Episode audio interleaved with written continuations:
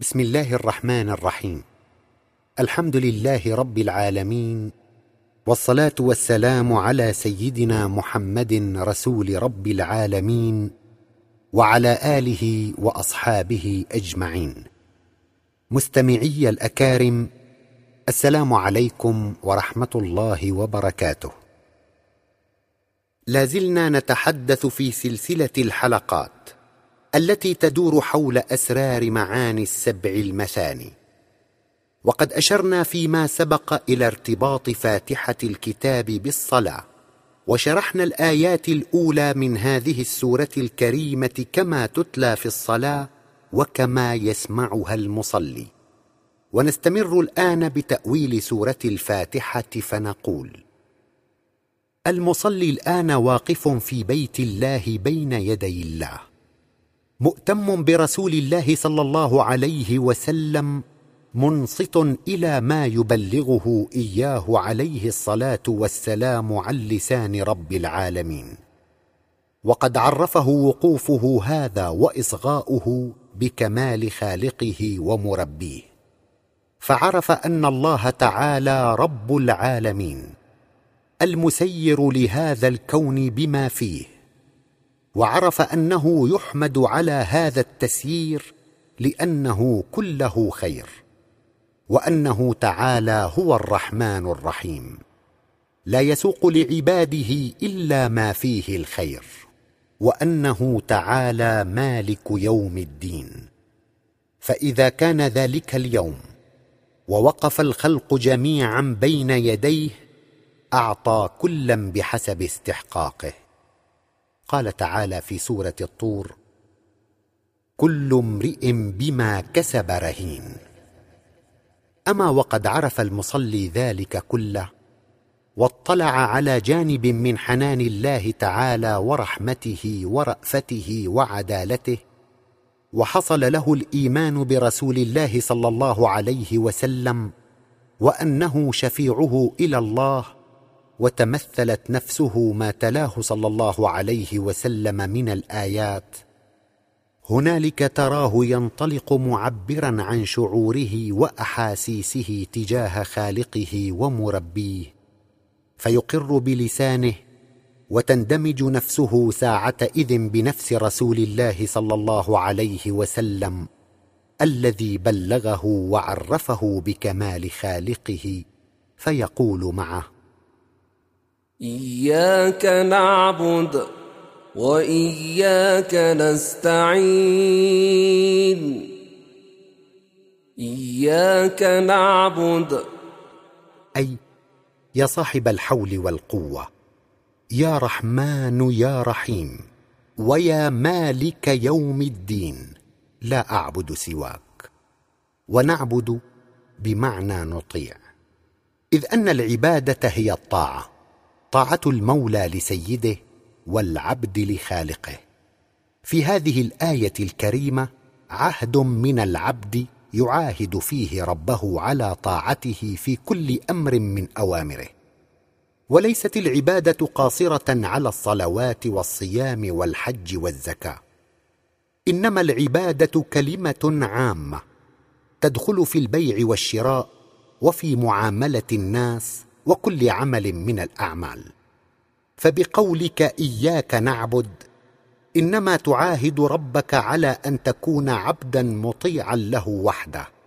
فلا تطيع معه غيره من بعد أن عرفت رأفته ورحمته ومن بعد أن شهدت جلاله وعظمته. فأنت تقول إياك نعبد. ونفسك قد أصبحت في حال لم تجد لها ملجأ إلا الله ولا دليلا إلى الخير سواه. أي إنك تقول أي ربي وأنت المحمود على كل حال أنت رب العالمين الرحمن الرحيم المالك لنفسي وللعوالم بأسرها من بداية خلقك إياهم ودائما وإلى ما لا نهاية له. والقابض على كل شيء. لم أجد لي مطاعا أطيعه غيرك. ولا هاديا يهديني إلى ما فيه سعادتي سواك. فأنت ربي المطاع. لا أخرج في سيري عن أمرك. وأنت سيدي المعبود. لا أهتدي في كل عمل من أعمالي إلا بهديك. وتقول ذلك وقد انغمست نفسك في جلال الله تعالى وعظمته وشهدت فضله ورحمته فوقفت خاشعة في أعتاب حضرته. وتحقق حصولك على هذا الحال إنما يتم بالصحبة النفسية مع إمامك عليه السلام. ثم تطلب من سيدك الرحيم بك أن يمنحك المعونة على السير في طريق الحق. فالشهوات والأهواء تكتنفك إن لم يتم إيمانك بالله وقد تخللت صلتك بربك انقطاعات تسربت لنفسك من خلالها تلك الشهوات. والعوائق والموانع تحيط بك تريد أن تصدك. وقد تشتهي نفسك أثناء غفلتك شهوة من الشهوات الخبيثة المحرمة وتصر عليها وتلح في طلبها ويصل جرثومها إلى سويداء نفسك. فإن منعك الله من فعلها ولم يمددك بالحول والقوة فتك جرثوم تلك الشهوة بك. وتسرب إلى كل ذرة من ذرات نفسك. فأصبحت وقد أحاطت تلك الشهوة بنفسك من جميع جهاتها. لا تستطيع منها مخرجا ولا تجد إلى الرجوع إلى ربك سبيلا ومسلكا. بل تظل نفسك مشغولة بشهوتها والشهوة مسيطرة عليها بكليتها وشاغلة ساحتها. ولذلك من رحمة ربك أن يطلقك ويسيرك. وهنالك تستطيع أن تفعل ما أصررت عليه وتصل إلى ما نويت.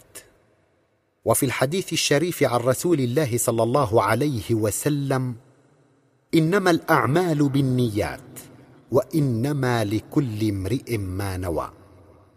قال تعالى في سورة النساء ومن يشاقق الرسول من بعد ما تبين له الهدى ويتبع غير سبيل المؤمنين نوله ما تولى ونصله جهنم ونصله جهنم وساءت مصيرا. وقال أيضا في سورة الإسراء من كان يريد العاجلة عجلنا له فيها ما نشاء لمن نريد ثم جعلنا ثم جعلنا له جهنم يصلاها مذموما مدحورا. ومن أراد الآخرة وسعى لها سعيها وهو مؤمن فأولئك كان سعيهم مشكورا. كلا نمد هؤلاء وهؤلاء من عطاء ربك وما كان عطاء ربك محظورا فاذا نويت نيه وعزمت عليها واصررت فهنالك الإمداد من الله بالحول والقوة وهنالك الوقوع في الفعل. وبهذا يجتمع جرثوم الشهوة في مكان واحد وتخلو ساحة النفس مما كان يشغلها جميعها. وبعد ذلك ينزل الله الأمراض بذلك العاصي ويسلط عليه المصائب. قال تعالى في سورة آل عمران أولما أصابتكم مصيبة قد أصبتم مثليها قلتم أنا هذا قل هو عند أنفسكم إن الله على كل شيء قدير فإن هو بهذه المصيبة أقبل على ربه سرى ذلك النور الإلهي إلى النفس. وبهذا النور ترى حقيقة شهوتها وتجد خبثها وعظيم شرها فتعافها وتأنف منها ولا تعود تقع بها. قال تعالى في سورة السجدة ولنذيقنهم العذاب العذاب الأكبر لعلهم يرجعون.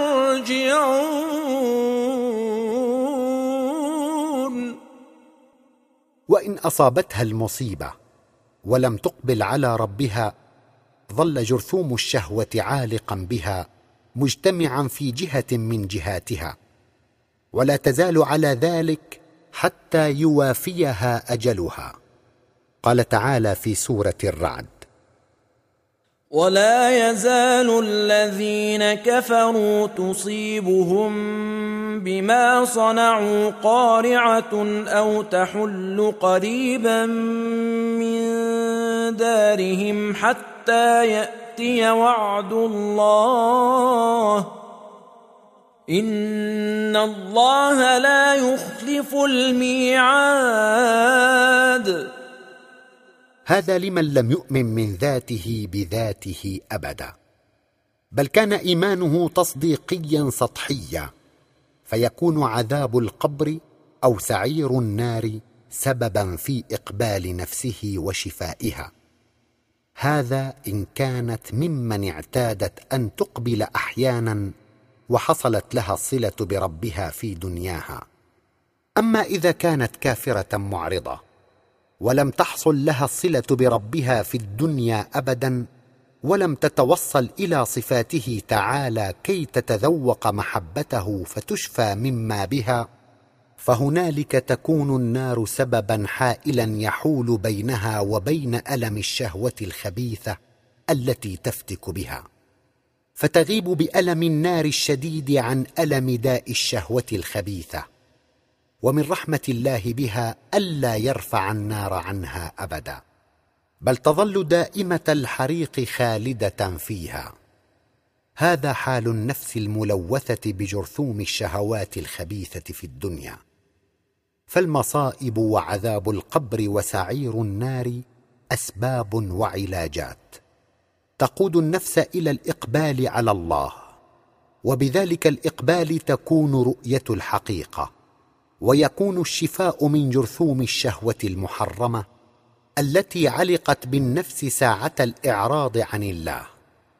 على أنه إذا استطاع المؤمن أن يقبل على ربه الإقبال الصادق فإنه يرى بنور ربه ما في الشهوات المحرمة من شر وأذى.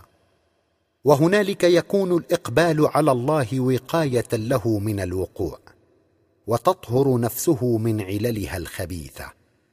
فلا يميل إلى المحرمات ولا يواقعها أبدا. ولذلك أمرنا ربنا أن نصل نفوسنا به دوما ونتجه إليه اتجاها صادقا. فنصلي الصلاة الحقيقية التي لا نرى فيها مع ربنا سواه. والله في قبلة أحدنا ما دام في مصلاه وتلك هي مشروعية الصلاة. قال تعالى في سورة العنكبوت إن الصلاة تنهى عن الفحشاء والمنكر ولذكر الله أكبر والله يعلم ما تصنعون. وبهذه الصورة المذكورة تنهانا صلاتنا وتلك صلاة المؤمن بالله حقا. ومن لم تكن صلاته على هذا الوجه ظل أعمى لا يرى خيرا ولا شرا. فتراه يستحب الشر ويحسبه خيرا. قال تعالى في سورة فصلت وأما ثمود فهديناهم فاستحبوا العمى على الهدى فأخذتهم صاعقة العذاب الهون بما كانوا يكسبون. ولذلك خوفا من أن تميل نفوسنا إلى شهوة خبيثة نطلب منه تعالى أن يمدنا بمعونته. فيكون معينا لنا على رؤية حقيقتها. ولذلك نقول إياك نعبد وإياك نستعين. إنه بهذه الكلمة ينتقل المصلي المتقي من حال إلى حال ينتقل من حال المنصت المستمع لرسول الله إلى حال المتكلم بمعيته صلى الله عليه وسلم. المعبر عما تولد في نفسه وما شعر به من معاني الحب لله والخضوع والانقياد الكلي مع الرضا النفسي والاستسلام إلى الله. ذلك كله بعض من طوى تحت كلمة نعبد. وكل امرئ يعبر حين يقول هذه الكلمة عن مشاعره تجاه خالقه وعما خالج نفسه من معاني الطاعة والاستسلام والمحبة لربه بقدر ما عرف من حنانه ورحمته وبقدر ما شاهد من عظمته تعالى وجلاله. وكل المصلين تتفق ألسنتهم وتتحرك شفاههم في صلاتهم بكلمة نعبد. لكن خضوع الأنفس والقلوب يختلف بحسب ما استقر في هذه الأنفس والقلوب من جلال الله وعظمته وبحسب ما شاهدت من رحمته تعالى وبحسب ما خالطها من حب الله تعالى وعشقه. وما كل من قال قال وما كل من سار سار. ولكل أحوال ومقامات ودرجات ولكل أذواق ومشاعر ومشاهدات.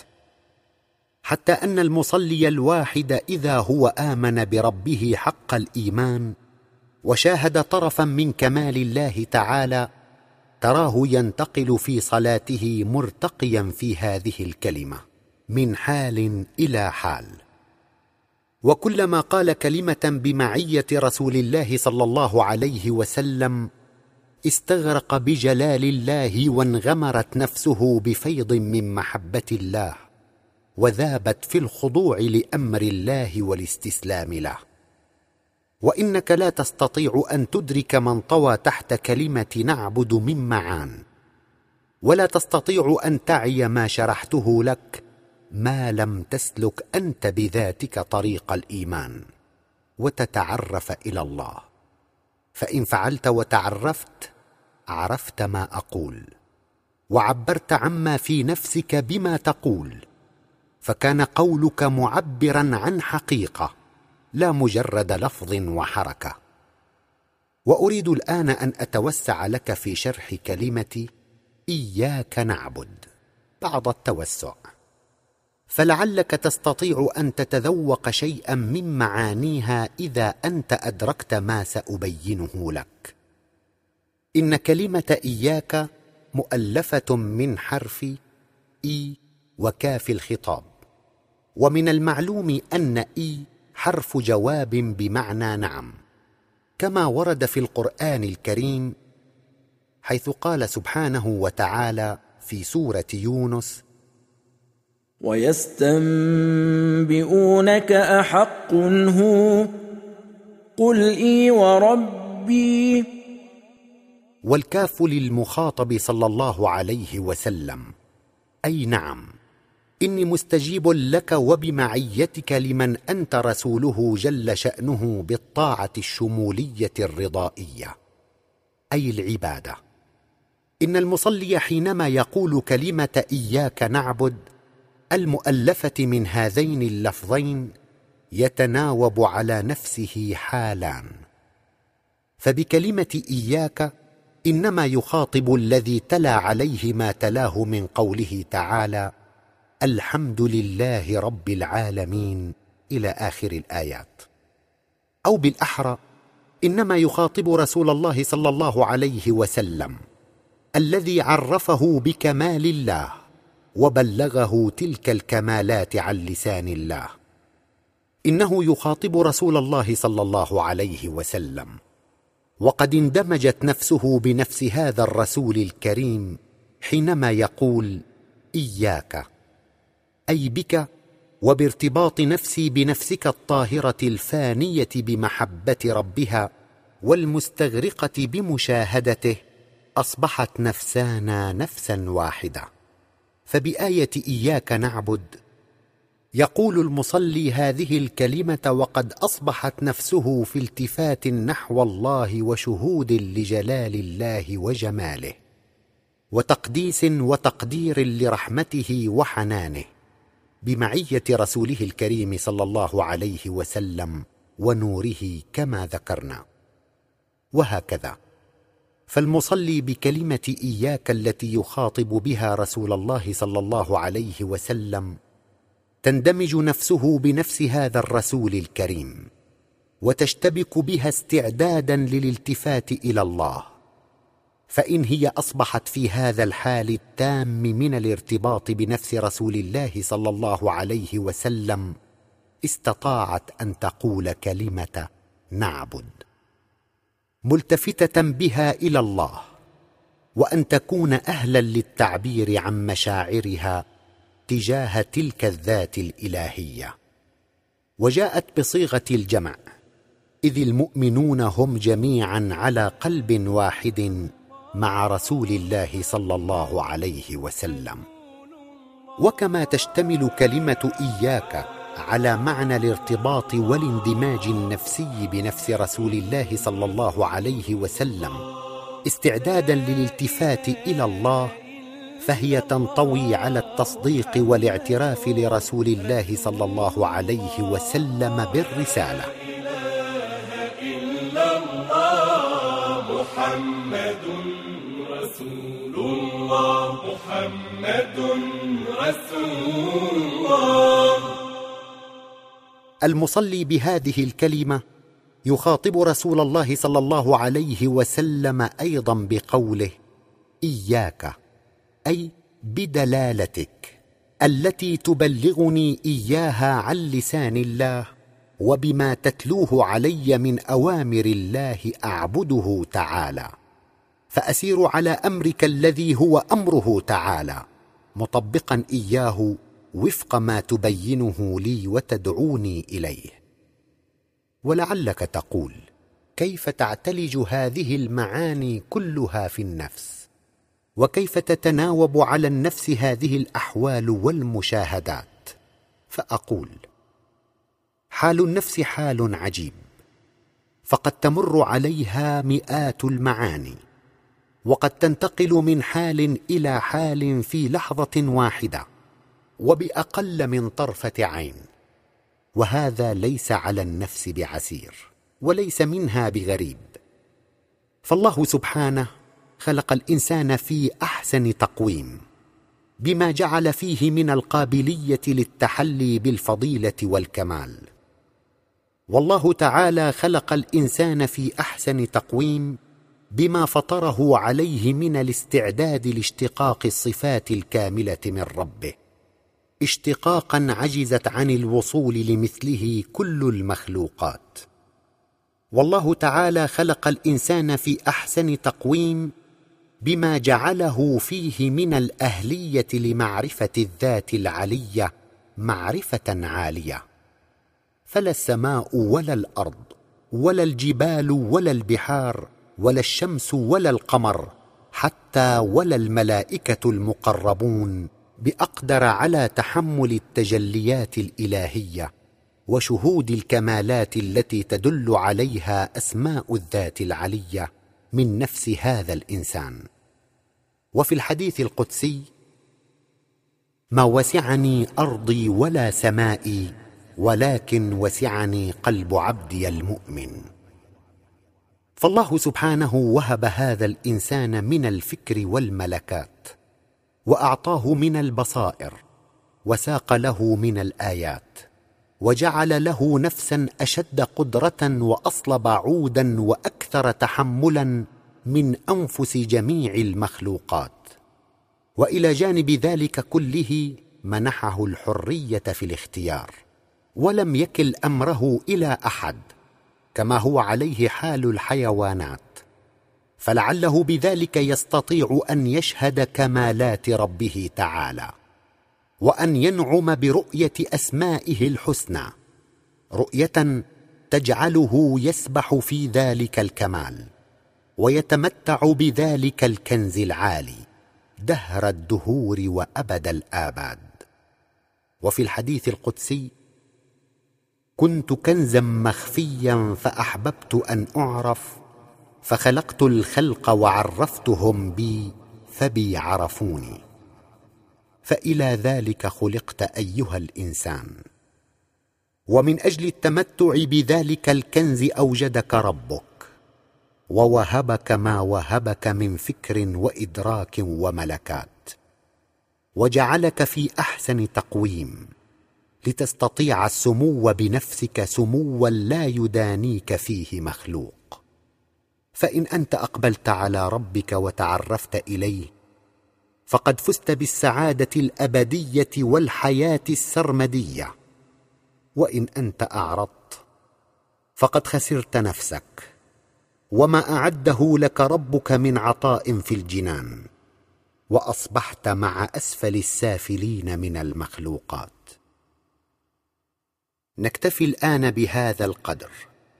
حيث شرحنا فيما اتسع لنا من الوقت الشطر الأول من آية إياك نعبد وإياك نستعين من سورة الفاتحة.